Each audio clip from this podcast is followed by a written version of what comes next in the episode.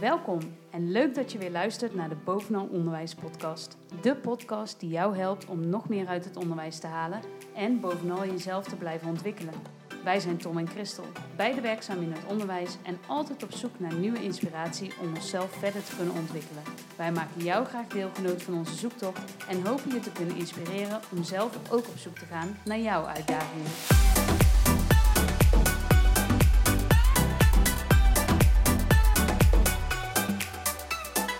Hallo allemaal, onwijs leuk dat je weer luistert. Vandaag gaan we het hebben over misschien wel het belangrijkste aspect van het onderwijs. En misschien niet alleen het onderwijs, maar eigenlijk gewoon altijd. En tevens ook wel misschien wel heel moeilijk, want we gaan het hebben over luisteren. Chris, ehm, luisteren. Als jij nou denkt aan luisteren, dan zal er vast wel het een en ander oppoppen waarin jij denkt van, hou op, scha dit was echt verschrikkelijk hoe iemand naar mij heeft geluisterd. En je mag er een paar op noemen. Welke schieten je te binnen dat je bij jezelf denkt van... Dit is niet goed luisteren. Dus mijn, mijn persoonlijke ergernissen eigenlijk ja, rondom je luisteren. mag je top 2 opnoemen. Ehm, wat ik het allervervelendste vind, is als iemand eigenlijk niet luistert, maar gelijk oplossingen gaat bedenken. Dus dat je bezig bent in een verhaal of als je een probleem hebt of iets waar je tegenaan loopt en iemand gelijk oplossingen aandraagt. Ehm, dat vind ik zelf heel vervelend. Ehm, of wanneer iemand een oordeel heeft over een situatie. Dus eh, stel ik vertel iets van wat ik vind van een bepaalde situatie of iets wat ik heb meegemaakt. En dat die ander daar dan gelijk een oordeel overheen gooit. Dat zijn denk ik mijn grootste En wat doet dat dan met je op dat moment? Nou, dan denk ik, laat maar, waarom vertel ik het dan? Het voelt dan een beetje alsof het er niet toe doet wat ik ervan vind. Of ja, je, je kan je ook afvragen waarom vertel je het. Maar vaak wil je iets delen omdat je, het je dwars zit. Of dat, ja, dat is gewoon iets wat je hebt meegemaakt. Ja, En ik vertel het dan niet per se om het oordeel van die ander te horen, maar gewoon zodat ik het kwijt ben. dat is waarschijnlijk een beetje het idee. druk van de ketel. Ja, dat. En als iemand dan gelijk een oordeel daarover heeft, Ja, het neemt dan een beetje de ruimte voor gesprek weg of zo. ja, ja. Of misschien ook voor een andere kijk bij mij. Hè, stel dat ik iets ventileer omdat ik daar een bepaalde mening over heb en die ander gaat er meteen volledig in mee of die klapt er met een hele andere mening overheen, dan ja, het einde gesprek. ja. En bij jou? Ehm, nou, ik heb er één. En ik moet heel eerlijk bekennen dat als mijn vriendin deze podcast gaat luisteren, dat ze gelijk zou zeggen, dat doe jij te veel. Is gewoon op je telefoon zitten, in het gesprek. Tijdens het In een koffiekamer of waar je ook bent. En je bent in gesprek en iemand is gewoon met zijn telefoon bezig. Dus, je, dus jouw eigen ergernis is ook tegelijkertijd ik, je ik, Het is valkuil. ook wel, nou, ik doe het zelf ook gewoon te vaak. Ja, Dat je, zeker thuis ben ik te makkelijk in het gesprek. Zit ik op de bank, onderwel met mijn telefoon. Maar ja. eigenlijk luister je niet. Je aandacht is gewoon niet erbij. En al zou die erbij zijn, geef je die andere dat gevoel helemaal niet. Nee. En ondanks dat ik het weet, is mijn verslaving toch wel zo groot. Maar waarschijnlijk ook bij heel veel van ja, ons. ja. En, en, en- of ik kan me ook herinneren in koffiekamers wel eens met elkaar zit je met je bakje koffie in je pauze. En dan denk je, ja, Ja, je ik mist die verbinding, hè? Ja. Ja. Dus dat is een ergernis. En toevallig wat jij ook zei, het stukje oordelen. Soms eh, wil ik ook gewoon mijn hart luchten en dan eh, komt er gelijk alweer een eh, advies. Of ik kom thuis na een aantal zware gymlessen. En dan wordt gezegd, hey, heb je dit wel eens geprobeerd? Zou je dat eens moeten doen? Dan denk ik, jeetje, houd toch op. Super goed bedoeld natuurlijk. Ja, en dat, dat, dat is het natuurlijk. Dus, ehm, maar wat, wat ik vooral zo fascinerend vind aan het aspect luisteren, is eigenlijk dat, dat ik steeds meer tot de conclusie kom dat het een vaardigheid is. Dus het is leerbaar. Het is niet eh, je kan het of je kan het niet. Nee, er zit heel veel rek in. En er zijn heel veel manieren om eh, te leren luisteren, om te kijken naar luisteren. En eh, dat zijn eigenlijk ja, soms hele simpele dingen waar je direct wat mee kan. Ja. Zoals we het wel eens over groeitaal hebben gehad, gaan we Ja. dadelijk ook in op over vragen stellen. Wat voor vragen kun je nou stellen om het gesprek lekker draaiende te krijgen? En anderzijds eh, is het soms ook gewoon heel complex. Ehm, wie, heb jij bijvoorbeeld, want we hebben het nu net even gehad over een aantal dingetjes wat je juist heel stoort, storend vindt, je top 2. Nou, Ja. Ehm, is er iets, een situatie of iemand waarvan je kan denken van nou, als het zo gaat, vind ik het echt fantastisch. Of dat vind ik een mooi voorbeeld. Ehm, nou, het meest recente voorbeeld is vanmorgen belde ik met de huisarts. Mhm. Ehm, en zij zegt, dan kan je erin luisteren. Dus zonder oordeel, zonder gelijk een oplossing aan te dragen, maar gewoon te luisteren. Het is natuurlijk ook wel echt haar werk. Ehm, maar dat is, dat is een heel recent voorbeeld waarvan ik dacht, nou, nu heb ik mijn zegje kunnen doen. En ze stelt dan ook vragen en ze vraagt dan ook door van hoe komt het dat je je zo voelt of hè, Mhm. dat deze situatie ontstaan is. Dus dat helpt heel erg mee. Ehm, in mijn meest recente, ja, dit was de meest recente, maar als ik dan verder terugdenk, wat ik altijd heel fijn vind, is als ik het gevoel krijg dat iemand de tijd voor je heeft en neemt. Ja. Tegenwoordig zijn we zo vluchtig en snel en je hebt nog maar heel weinig, merk ik zelf ook hoor, gewoon echte gesprekken waar ook de rust er is om een keer een stilte te laten vallen of even na te denken of gewoon uitgebreid tijd te nemen voor die ander. Ehm, dat zijn wel de gesprekken waar ik vaak het meest aan heb. Ja. Dus ja, dat, dat zijn voor mij de gesprekken en de gesprekspartners Ja. die, die het beste kunnen luisteren. En wat dan heel erg helpt, is het nieuwsgierig doorvragen. Dus geen oordeel, echt onbevooroordeeld, ja, daar gaan we dadelijk ook over luisteren, zeg Ja. maar. Ja, Want dat. Bij mij schiet ook een... eh, ik ben eh, twee jaar geleden gestart bij mijn huidige school. En er liep daar een conciërge rond. En het was echt zo'n havenarbeider, vol getatoeëerd. eh, hij, eh, ja, hij was echt gewoon... De eerste indruk was gelijk, wow, daar staat wel iemand. Ja, Maar wat, wat ik zo fascinerend aan hem vind, en dat is ook wel een beetje een voorbeeld voor me geworden. Hij loopt door die school en hij weet elke keer als er iemand ziet een sfeer te creëren waardoor iemand gelijk eh, aan is en open. Hij maakt een grapje, hij doet een dolletje, hij vraagt wat. En, en toen besefte ik van, hij, hij is in staat om naast het luisteren ook een sfeer te creëren waarin iemand ook bereid is om eh, te praten. en heb je een idee waar dat dan in zit?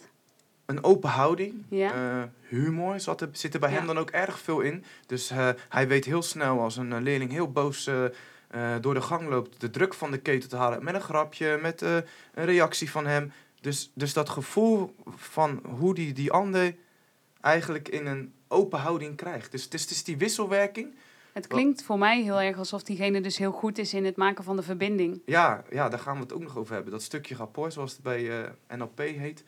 Die verbinding, dat fascineert me waarom hij eh, zo, zo goed is. Ja, Want wij kunnen natuurlijk, hè, dat gaan we ook een beetje doen, dadelijk de klassieketjes opnoemen en de dingetjes die belangrijk zijn. Maar het kan soms ook gewoon heel nep voelen. En Ja. dat je denkt, wauw, ik zit hier bij mijn functioneringsgesprek, nou, daar gaat hij.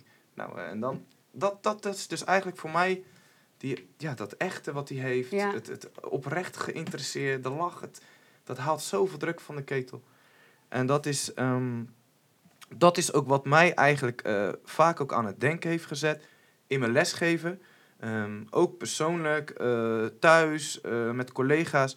Is eigenlijk vanuit welk gevoel of overtuiging luister je? En wat bedoel ik daarmee? Ehm, hoe sta ik zelf op dat moment erin? Jij zegt net bijvoorbeeld, ik vind het zo fijn als iemand echt met aandacht erbij is. ja, Ehm, ik denk dat dat iets is, het ontdekken van hoe sta ik nu zelf, maar hoe is mijn eigen houding nu van binnen als ik luister. En tijdens het lesgeven gebeurt het heel vaak dat ik in overtuigen zit. Of heel vaak zit je in van frustratie, een Ja. vraag stellen, de ander geeft een reactie. En dus als je bij jezelf terugdenkt, zou ik haast willen zeggen, eh, het zou zo mooi zijn als je van die frustratie naar verwondering kan gaan. Dat bruggetje, ja, eh, wat me overigens echt heel vaak niet lukt. Maar ik probeer daar eh, me steeds bewuster van te zijn. Van wil ik nu echt naar diegene luisteren? Of zit ik hier mijn zegje te doen als docent om er maar even overheen te walsen? Om even de les te lezen? Of om even snel iets op te lossen? Het is heel erg afhankelijk van de situatie, denk ik ook. Context, heel erg. Maar als ik dan kijk naar het stukje, eh, luister ik gefrustreerd of luister ik vanuit verwondering? En verwondering eh, zorgt voor openheid. Eh, Ja. En dan heb je dan alweer het, het aspect van, hé, maar waarom doe je dat dan? Of, oh, echt, is het zo? En vertel eens, echt, dat je in je enthousiasme het gesprek krijgt. Ja, En de ander ook de ruimte kan geven om te laten luisteren. Ehm, dus dat stukje over luisteren. Wat is mijn grondhouding op het moment dat ik aan het luisteren ben? Dus naar jezelf toegericht. Dan is er ook nog een hele belangrijke en dat is die ander. En wat je net al zegt, dat is een gok. Wat heeft hij op dit moment nu van me nodig? Ja. Is het alleen luisteren? Is het reflectie? Is het een doorvraagvraag? Dus wat komt die ander eigenlijk bij mij halen? Of wat wil ik bij die ander halen? Ja. Dat balletje. Ehm, Het is ook lang niet altijd duidelijk, hè? nee, Soms nee, heb je het doel van een gesprek Nee. heel duidelijk. Als je een oudergesprek hebt, heb je vaak heel duidelijk waarom je dat oudergesprek voert. Ehm, maar inderdaad, van, ehm, eh, als iemand zomaar bij je komt... Ja. Hè, ik heb het ook wel eens dat er een collega bij me eh, in kantoor staat. En dan is het soms echt een beetje zoeken naar... wat kom je nu doen? Kom je het eigenlijk alleen even hier vertellen... zodat ik op de hoogte ben? Ja, Wil je dat ik je kom helpen? Wil je dat we samen naar een oplossing zoeken? En ik denk dat we heel vaak eh, vullen we dat zelf in, in plaats van dat we het vragen. ja, En ik merk als ik het dus vraag, dus die nieuwsgierigheid in dat gesprek van... Oké, wil je het alleen eventjes hier bij me neerleggen? Of kan ik iets voor je doen? oh, je vraagt dat letterlijk. Ja, maar dat is, de- dat is wel iets wat ik geleerd heb. Oh, want ja, ja, ja. wat ik bij mezelf merkte was dat ik het vaak zelf in ging vullen. ja. En dan Goed. kan je ook in die valkuil trappen die ik zelf heel vervelend vind. Dan ga je oplossingen zoeken voor iemand anders. Terwijl die daar misschien helemaal niet op zit te wachten. Ja, ja, Dus- ja. Ik merk als ik gewoon vraag, als iemand bij me komt van... oké, wat wil je dat we nu doen? Kom je hier om het hier Ja. gewoon eventjes neer te leggen en is dat het? Of wil je dat ik eh, je ga helpen? Of wil je dat we samen een oplossing zoeken? Of moeten we samen in gesprek met die ouder? Dat helpt wel, want ja. dat haalt bij mij de, de kans om, om verkeerd in te vullen weg. En, en, en dat zijn, als ik je al zo hoor, zijn het een aantal dingen die elke keer ook terugkomen. Op het moment dat je aan het luisteren bent, ben je dan al aan het veroordelen, aan het beoordelen en aan het invullen. Ja. Die drie dingen, als dat al eh, plaatsvindt tijdens het luisteren, wat heel normaal is, wat bij mij, dan is er al een valkuil, denk ik. Dan, Ja. dan heb je dus, hè, als we dan kijken van het veroordelen, beoordelen en invullen, zou je eigenlijk willen naar een open houding. Een Ja. open houding, en dat heeft misschien wat je net zei over de dokter. Die open houding, dat is denk ik wat oprecht is en waar je naartoe wil. Ja, En dat, dat, voel, dat voel je in een gesprek, denk ik. ja zeker. Want wat was de eerste die je noemde? Het beoordelen? Het veroordelen, Veroordelen, eh, het ja. beoordelen en het invullen. En Ja. dan ja, kan je daar nog zoveel meer bij doen. Je kan ook gelijk het advies geven. Ja. Of, maar ik denk wel dat het vanuit een veroordeling, een beoordeling of het invullen, dat die drie. Hè, eh, oh, dus je zegt bla bla bla bla. Ja. Nou, eh, dat is ook stom, meteen, eh, want eh, ik, dat vind ik ook altijd zo'n dooddoener. Als iemand te zegt, nou, ik heb toch laatst iets meegemaakt. En ik, ja, maar het gaat nu even om mij. even om mij. ja. Maar dat gebeurt wel oh snel. joh, valt wel mee joh. Ja, want ik had al nog iets veel ergers. Dat. Die categorie. Ja. Nou, dat kan, hè? maar daar geef je niet de ander Ja, de ruimte die open eigenlijk. houding bij. Wat ook wel lastig is, hè, want ik, ik Ja, snap wat je zegt over dat beoordelen, veroordelen en invullen. Ehm, afhankelijk van de situatie denk ik ook of je dat doet. En ook als je het bij jezelf merkt, van hoe kan je het dan toch omdraaien en weer naar die open, Ja. onbevooroordeelde houding van luisteren. Soms komt iemand al voor de vierde of de vijfde keer met hetzelfde bij je. Dat heb je zowel bij leerlingen die eh, continu om hetzelfde kunnen Ja, komen. ja. Collega's die dat kunnen doen in je thuissituatie je kan je het hebben. ja, dat steeds dezelfde dingen terugkomen. En dan is het de kunst, denk ik, om dus niet in die drie items te gaan Ja, zitten. ja, te zeggen, ja, maar daar hebben we het toch al over gehad. Of eh, ben je daar nou alweer? We hebben dit toch besproken. Ja. Want waarschijnlijk zit er dus nog iets achter. Dat Eh, en dat is het verhaal achter het verhaal. Wat Ja. komt hij bij je halen? eh, het motief. Ja, hoe komt En- het dat je voor de derde keer over hetzelfde hier staat? Ja, en, en dan is denk ik eh, het niveau of de kwaliteit van je vragen. Daar haal je eigenlijk het verhaal achter het verhaal mee. Daarmee kan je de diepte induiken om tot eigenlijk te komen waar diegene niet wil of niet, eer- niet eerlijk in is naar jou Ja. toe. Of misschien eh, dat hij het zelf niet weet, de reflectie waar je naartoe kan. Dus het stukje vragen stellen. Hè? Je hebt eh, vaak in die cursus krijg je nou LSD, luisteren samen, wat doorvragen. Dat is Ja. dan zo'n klassieker. Ehm, en we hebben het al best wel gehad over het stukje luisteren. Een open houding, eh, oprecht aan- aanwezig zijn. Ehm, maar de kunst van het eh, vragen stellen, dat begint bij het luisteren. Eh, dus je, ja, hoe zie jij dan bijvoorbeeld het luisteren voor je? Aan welke dingen denk je dan? Nou, het eerste wat in me opkomt, maar dat heeft meer te maken met wat je net daarvoor zei, de kunst van het luisteren. En als je goed luistert, dan weet je ook welke vragen je moet stellen. En dan kom je Mhm. dus verder. Ja. Een tijdje geleden was er eh, een, een stukje bij Jinek waar Theo Ja. Maassen zat. En die raakte met haar in gesprek over haar kwaliteit als talkshow-host. Mhm. Ehm, zij is een van de beste, denk ik, in Nederland die we hebben. En Ja. zij zei ook van, eh, wat ik heel erg geleerd heb, is als ik goed luister naar mijn gasten, dan kan ik nooit falen. Want als ik echt goed luister naar wat zij zeggen, dan kan ik ook de juiste vragen stellen.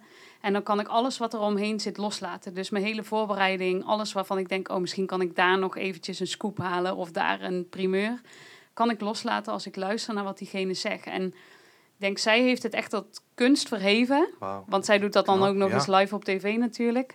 Ehm, door echt goed te kijken naar iemand. Te kijken wel wat is de lichaamstaal bij het, bij het verhaal. Wat vertelt hij precies. En die open vragen stellen.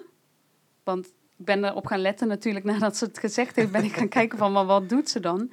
Is, is, ze is voor mijn gevoel echt nieuwsgierig. Ze stelt open vragen, maar waar nodig ook gesloten vragen. Zodat ze het een beetje kan afkaderen. Oh ja, ja. En ehm, ja, dat, dat vind ik echt een kunst. Ik zie het ook bij collega's. Ik heb collega's die kunnen heel makkelijk kinderen benaderen omdat ze de juiste vragen weten te stellen. En dat zijn niet per se altijd alleen maar open vragen. Ja. Maar dat kan ook via gesloten vragen, Ja. afhankelijk van de leeftijd. Maar Ik denk dat het goed is om dat stukje nog even dadelijk weer op te pakken van wat, wat voor gouden tips of wat voor vragen werken er nou lekker Ja. om die eh, gesprekken geolied te houden en ook eh, voor het luisteren. Ehm, er zijn natuurlijk heel veel ma- manieren van luisteren. Ik zou kunnen, je zou kunnen zeggen, als je het heel grof zegt, zijn er drie eh, niveaus van luisteren. Dat is oppervlakkig, dat is op de inhoud en dat is emotioneel. En alle drie hebben ze voor's en tegens. Het Ja. is af en toe gewoon lekker om oppervlakkig te luisteren en een kind komt op je af. Hoef je echt niet allemaal emotioneel en inhoudelijk op in te gaan. ja, Maar het bewust van zijn, hè, van eh, welk niveau eh, is nu van belang. En ook wat is bijvoorbeeld de valkuil. Eh, inhoudelijk kan bijvoorbeeld heel belangrijk zijn bij een eh coachingsgesprek of een mentorgesprek. eh, dat je dus echt de diepte induikt over die inhoud. Of jij bent ergens heel kundig in en ik probeer echt door te vragen. Maar de valkuil is daarin eh, dat je geen band creëert. Dus Ja. dat gevoel van verbinding, het gevoel van die open houding, dat kan een valkuil zijn. Eh, wat ook een hele belangrijke is, is emotioneel luisteren. Waar we het net over hebben. Misschien kom jij bij iemand met een, eh, iets wat, hè, wat je echt vervelend vindt. Eh, dan is de emotie daarin belangrijk. Wat is de, de, de gelaagdheid? Dus die drie, die bepalen denk ik ook heel erg van het niveau eh, waar je op, zi- op wil zitten. En het is niet de een is beter dan de ander, maar hoe, hè, hoe ga ik nu luisteren? ik kan me zelfs voorstellen dat je in één gesprek die drie niveaus voorbij ziet komen. Ja, Dat ja inderdaad. Hè, waar, waar misschien soms eh, een gesprek een beetje oppervlakkig begint. Als je de juiste snaar weet te raken, dat je dan Ja. de diepte in kan gaan. En Ja. dat je dan misschien tot inhoud komt en, en daarna ook wel nog tot emotie. Want, want dat vind ik wel, dat zet me dan aan het denken met zo'n Jinek. denk ik, wauw, die heeft, zoals wij onze podcasts ook voorbereiden. Ja, je wilt het een kader geven, je wilt het een richting geven, je hebt tijd. Dus het is eigenlijk, eh, als ik het nu bedenk, ook een soort switchen in het nu zijn. En waar wil ik eigenlijk naartoe? Ja, En als leraar heb je dat ook heel vaak. Het switchen van, ik zit nu in het moment of ik wil ergens naartoe. Dat maakte voor mij misschien kamp ook altijd zo leuk. Want eh, op de basisschool vlogen mijn gymlessen af en toe best voorbij. ja, En als we dan op eh, kamp waren, dan had ik ook echt tijd voor die kinderen. Dan kon Ja. ik ook op dat moment, tijdens een boswandeling, echt even met ze kletsen. En dan was er ook helemaal geen noodzaak om op het moment of iets op te lossen. Nee, het was gewoon een, een fijn gesprek. En dat doet er denk ik ook wat toe. zeker. Maar dan maak je die verbinding. Ja, En dan ja, heb je daar tijd voor. Ja. En wat jij zegt, die, die vergelijking met een Jinek die live op tv... Ja. Hè, dan kan je voorbereiding nog zo mooi zijn. Maar op een gegeven moment heb je weinig beweegruimte in het switchen. Dat herken ik ook voor de klas. En dat is denk ik ook de opdracht van de leraar. Van, kan jij goed genoeg luisteren naar je leerlingen op het moment dat jij Mhm. les aan het geven bent, naar wat je terugkrijgt en hoe de les verloopt. En, Ja. en kan je daarin switchen of hou je strak vast aan die voorbereiding en het moet zoals ik het voorbereid had. Ja, ja. Want ik denk dat de leerkracht die in staat is om te luisteren naar zijn leerlingen en het gesprek tijdens de les goed te volgen, die kan dus gaan, gaan lesgeven op een, op een veel dieper level. Want die kan denken, oké, ik had eigenlijk dit voorbereid, maar ik merk nu in het gesprek met mijn kinderen dat de les een andere kant op gaat. Ja, Oké, dan ga ik die kant meebewegen en dan ga ik daarin mee. ja, ja. Maar dat is wel ingewikkeld, want dat vraagt inderdaad echt iets van die vaardigheid. Dus dat is het mooie wat jij zegt. Leren is een vaardigheid die je kan trainen, Ja. waar je echt beter in kan worden. En ehm, dan komen we bij een ander stuk van het luisteren, wat ook vaak wordt benoemd, en dat is het samenvatten. Eh, het samenvatten in het moment van een gesprek of als conclusie. Of eh, hoe zie jij op dat moment een goede samenvatting? Dat kan dus zijn met kinderen heel klein, heel subtiel. Ho- Hoe zie jij dat bijvoorbeeld als. eh, Nou, als ik kijk naar gesprekken met kinderen, ehm, en dat doen we zelf ook, vaak haal je er heel veel dingen bij. Dus degene die luistert zal de kern eruit moeten halen mhm, om verder te kunnen. En dat is volgens mij wat je doet met samenvatten. En dat kan op de inhoud zijn. Maar daarnaast denk ik dat het heel erg belangrijk is dat je in die samenvatting het gevoel meeneemt van degene die aan het praten Dus is. niveau op inhoud en emotie. Juist, Ja, ja. ja. Want eh, je kan nog zo mooi de inhoud samenvatten, maar als je het gevoel niet juist weet te vangen, dan kan je de plank natuurlijk helemaal misslaan. Ja, ja, ja. En misschien kan je de emotie juist heel goed vangen, maar ben je een beetje de draad kwijt over wat nou de inhoud was. Ook om het voor diegene die vertelt te kunnen kaderen. Mhm, Ik denk zeker in, in eh, je werk als leerkracht. Soms komen kinderen eh, heel erg emotioneel bij je met een, eh, met een verhaal en een boodschap. En dan is het aan jou de taak om te kijken van oké, wat is hier nu de kern van? Ja. En dat eruit vissen, omdat dan help je het kind daar ook mee. Dus ehm, ja, het, het benoemen van zowel de inhoud als het gevoel. Ehm, voor mijn gevoel is het ook iets belangrijks, omdat je daarmee ook erkent dat je echt luistert. Want je wordt gedwongen Ja, en daarmee geef je die ander ook het gevoel. Want als je verkeerd samenvat of je eigen oordeel erin verwerkt, dan voelt die ander dat ook. Van joh. Ja. ja. Of Ja. ga je een uitgebreide samenvatting geven, dan is het eigenlijk het herhalen en papegaaien. ja Daarin is ook een kunst. Het samenvatten zeker. is echt een kunst. En Ja, ik, ik, ik had laatst ook een podcast geluisterd. En diegene die deed elke keer aan het einde van die podcast. van een korte samenvatting van de, de clue van het verhaal. En wij proberen dat nu ook. Echt moeilijk om, om die goede samenvatting te geven. Maar dat geeft wel blijk van. ik ben echt hier op dit moment naar jou aan het luisteren. En daarvoor moeten ook de goede vragen gesteld worden. om echt tot de kern te komen van.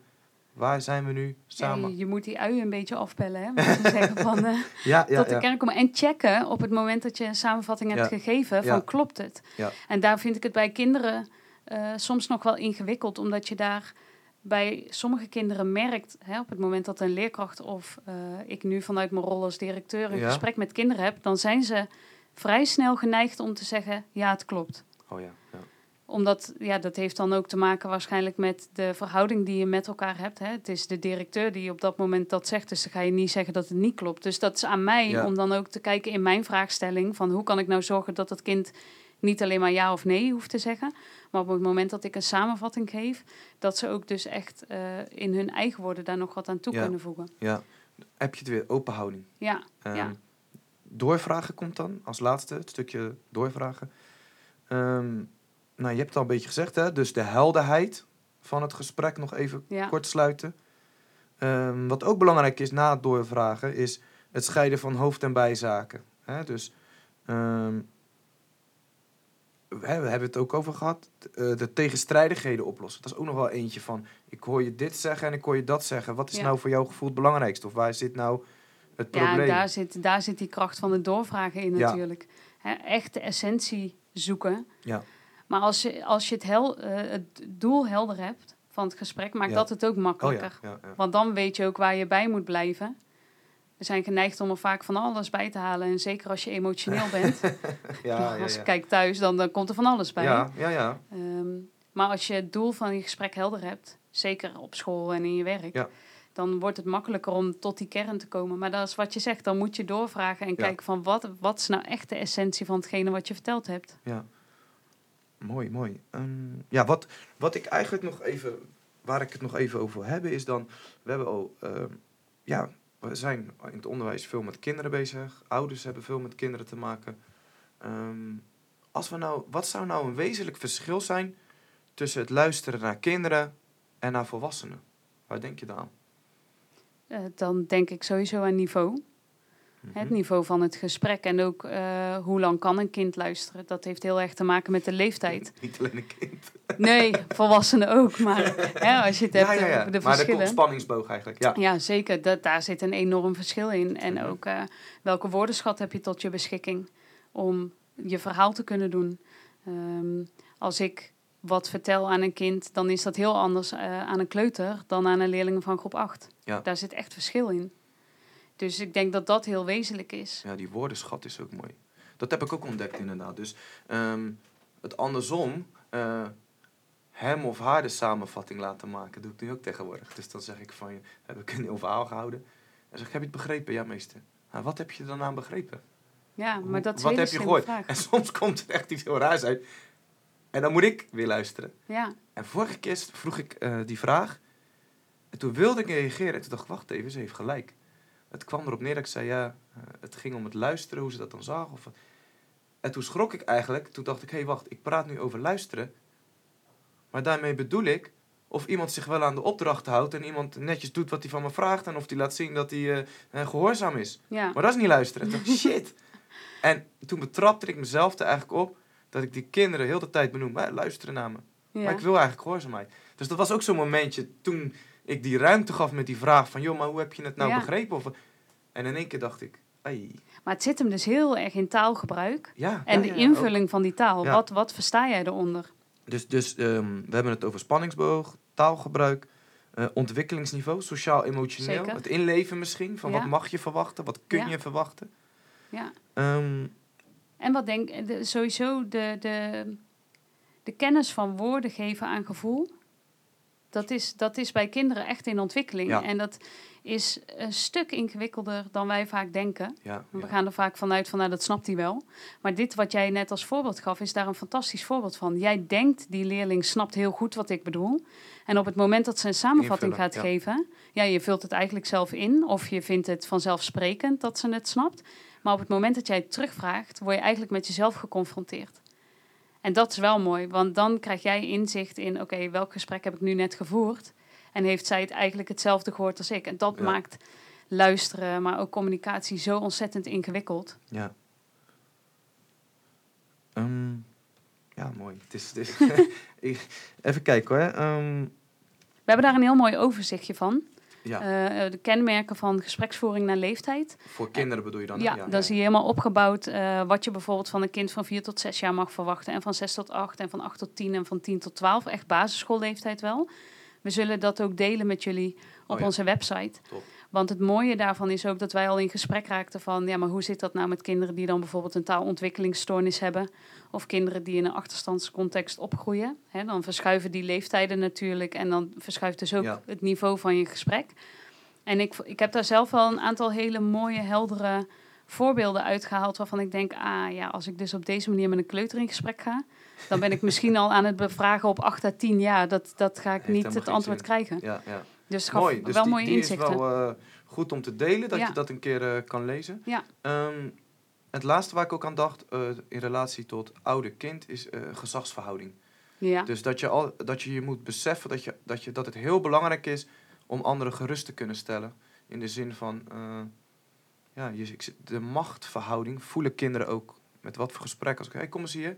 Dat iemand denkt, oh jee, daar heb je hem Ja. al. Dus, dus, dus het, en dan heb je misschien die conciërge weer, die, de, eh, die het zo luchtig weet te brengen Ja. met een grapje. Dus dat, het dat, het- dat die ander er mag zijn. Ja, heel In al zijn gelijkwaardig. openheid. Dus wat je doel is van je gesprek, als jij echt met iemand een fijn gesprek wil, dan moet hij dat gevoel ook hebben. Ja. En anders gaat het lastig worden, denk ik. Het geldt niet alleen voor kinderen, denk ik. Nee, nee, nee. Ik kan me ook, ik kan me ook momenten herinneren dat iemand aangaf dat hij bijvoorbeeld een gesprek met me wilde. Ja, Dat ik dacht, oh jee. Ja, ja inderdaad. Weet je, dat je al, dat je je al voelt, ja, dat je voelt van, weet je, hier zit iets. Dat, Ja. dat, Ja. Dus wat jij zegt, die gelijkwaardigheid. En ook weer zonder oordeel. Ja, op het moment dat, eh, dat iemand op die manier bij je komt, kan dat een oordeel Ja, geven qua gevoel. Hoeft helemaal niet zo te zijn, maar gewoon qua gevoel. mooi, mooi. Het is, het is, het is ehm, voor mij ook echt vanuit welke intentie eh, luister ik? Of hè, heb ik het vanuit echt... stel dat een, eh, een van mijn beste vrienden me iets vertelt en ik ben, dat, dan wil ik diegene ook echt begrijpen of Ja. echt luisteren met, met heel mijn hoofd, mijn hart, met alles wil je dan bij diegene zijn. En Ja. ik denk dat dat... ehm, ik vind een uitspraak, het is niet per se luisteren... maar dat is wel een van mijn eh, favoriete uitspraken. En die komt van De Kleine Prins. En dat is een van mijn favoriete kinderboeken. En daarin eh, vertelt het vosje uiteindelijk aan de prins... ehm, dit is mijn geheim. Het is heel eenvoudig. Alleen met het hart kun je goed zien. Het wezenlijke is voor de ogen onzichtbaar. Dat zegt voor mij eigenlijk Niks meer aan eh, doen. alles. Ja. En ik, ik vind dat zo'n mooie uitspraak. Ja, Als je met liefde kan luisteren, dan voelen kinderen dat. Ja. Ouders, iedereen voelt dat. Hè, eh, oprechte interesse, dat voelen, voel je. ja. Maar het is niet per se zichtbaar. Ja, maar dat is het. En dat, dat is de verbinding, denk ik, die je voelt. Ja. Of helemaal niet voelt.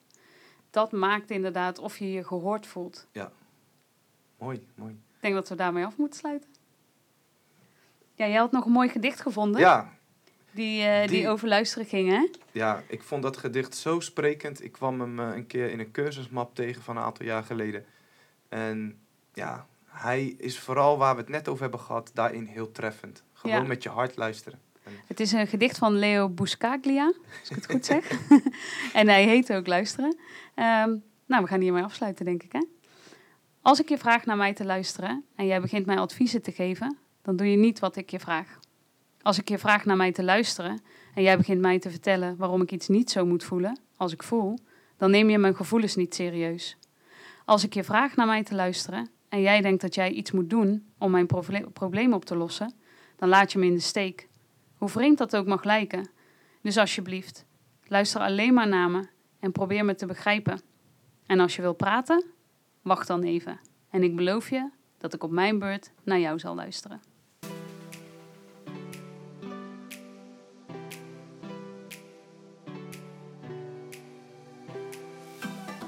Leuk dat je luisterde naar de Bovenal Onderwijs podcast. Wil jij ons helpen groeien? Like ons dan op Instagram, Facebook en Twitter. Volg ons ook via LinkedIn en deel deze aflevering vooral met al je vrienden en kennissen. Tot de volgende aflevering.